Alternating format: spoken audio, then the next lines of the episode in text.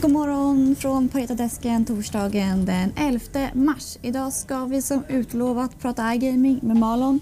Först börjar vi i USA och det var ljumna börser igår på Wall Street. S&P 500 stängde på plus 0,6 procent.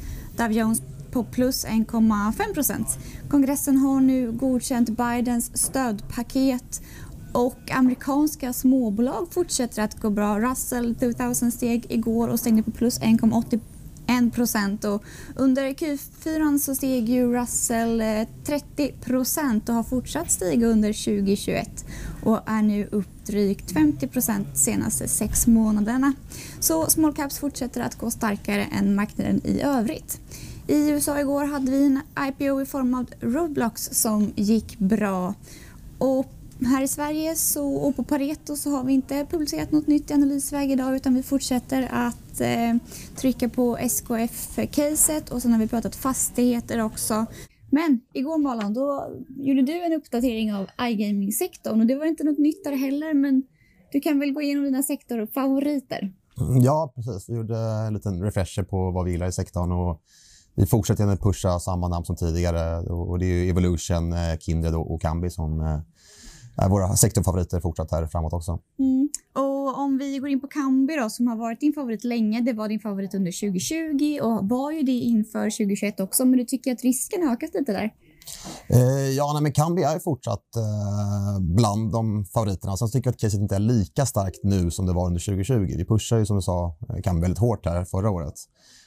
Um, det vi ser är att egentligen underliggande går på väldigt starkt. Jag menar, vi såg uh, Rush Street guida upp för 2021 här igår.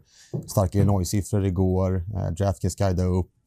Vi har Kanada, vi har Brasilien som ska legalisera, Argentina. Så det är väldigt mycket underliggande som är väldigt starkt. Mm. Uh, och, och vi, vi, ligger nog uh, street high på vad gäller aktivitet, i alla fall i Q2, jag tror även för, för 2021. Men det vi ser är att risken framåt så ökar ökar, kommer öka risken för kontraktstapp som vi ser det, från att vi tyckte var väldigt låg tidigare.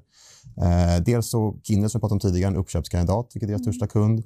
Men också hör man lite i USA att man börjar kolla lite på alternativ. Eh, det ryktas om Parks till exempel som en Kambi-kund och så. Så den risken är lite större än vad vi såg tidigare. Mm. Eh, och, och, och, sen kan man också nämna, sen sålde ju Anders Ström lite aktier här nyligen och, och operativa chefen eh, Erik Lögberg. Så Eh, fortsatt positiva, men inte lika positiva som var 2020. Då.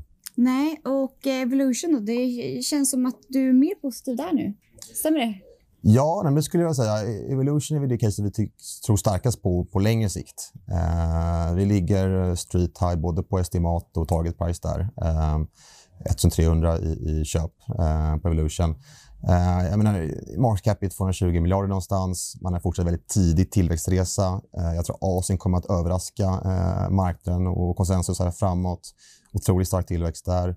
Tidsskede i USA. Sen har vi också Sydamerika, sen på längre sikt Afrika och så vidare. Så, så växer på väldigt starkt i princip överallt mm. och framförallt utanför Europa. Mm. Så vi ser ju långsiktigt väldigt stark tillväxt fortsatt för, för Evolution och, och det är en bidragen till vi, därför vi gillar Evolution väldigt mycket, både kort sikt men också long term. Mm, Kindred då, som du också har med som en sektorfavorit? Ja, men Kindred också äh, gillar vi väldigt starkt och, och, och, och här ser vi, här blir vi också street high, ifall senast jag kollar både på, på target price och, och estimat. Med street high menar du alltså att du ligger högst högst kurs? Exakt. Eh, 171 spänn. Um, vi räknar med att kostnaden följer efter på estimat. Eh, vi ser att eh, man handlas väldigt låga multiplar. Eh, EV ebit 12 tror jag det är på 2022. Eh, internationella peers ligger upp mot 20. Mm. Så vi ser eh, potential både på estimatsidan och multipelsidan då, mot mm. Eh, internationella peers. Så nej, men sammantaget så, så Evolution, Kindred och Kambi, det är väl de tre vi fortsätter att gilla i, i sektorn. Mm. Tack så mycket Malin. Tack. Tack så mycket för att ni har lyssnat. Jag önskar er en fortsatt trevlig torsdag.